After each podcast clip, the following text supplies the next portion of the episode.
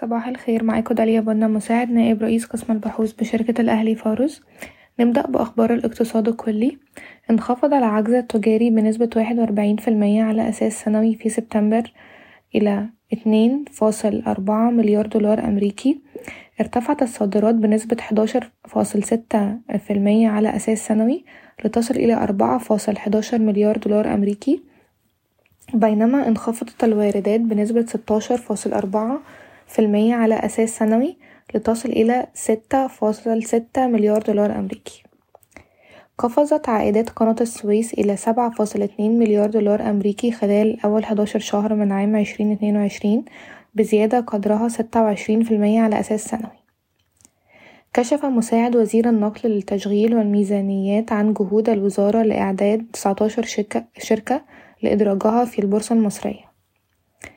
أما بالنسبة لأخبار القطاعات أصدرت أوراسكوم Investment Holding النتائج المالية المجمعة للربع الثالث من عام عشرين اتنين وعشرين حيث سجل صافي الربح مية وخمسة فاصل خمسة مليون جنيه مصري مقارنة بخسائر قدرها ستة وتلاتين فاصل سبعة مليون جنيه مصري في الربع الثالث من عام عشرين واحد وعشرين.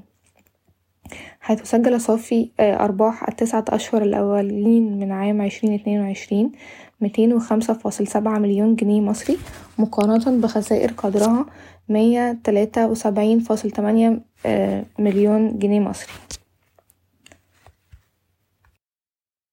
تلقت إعمار الموافقة التنظيمية لإضافة بيع وتوزيع الكهرباء إلى قائمة أنشطتها التجارية. وبحسب وسائل إعلامية محلية رفضت شركة العربية لإدارة وتطوير الأصول عرضا من شركة الرواسي للتنمية العقارية لتطوير مشترك لقطعة أرض زفتة. تلقت الشركة عرضا آخر للتنمية المشتركة لقطعة الأرض من تحالف من ثلاث شركات إماراتية.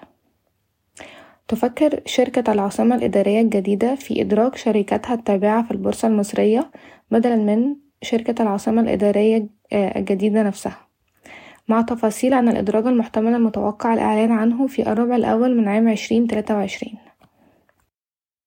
وافقت لجنة الإدراج بالبورصة المصرية على الإدراج المؤقت لشركة بورسعيد لتداول الحاويات والبضائع المملوكة للدولة قبل الطرح العام الأولي المستهدف.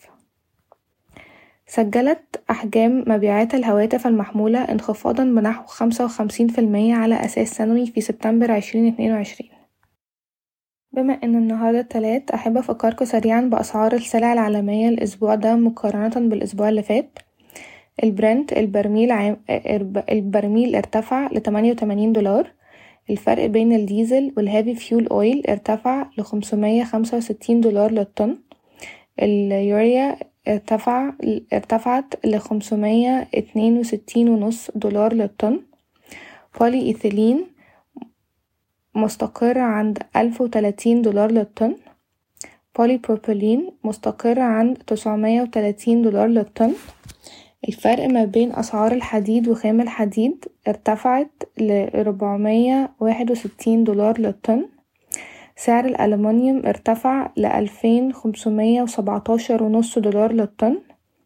الأسمنت في مصر مستقر عند ألف ستمية أربعة وعشرين جنيه مصري للطن. الفحم الحراري ارتفع لربعمية وخمسة دولار للطن.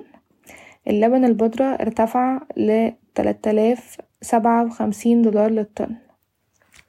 شكرا ويومكم سعيد.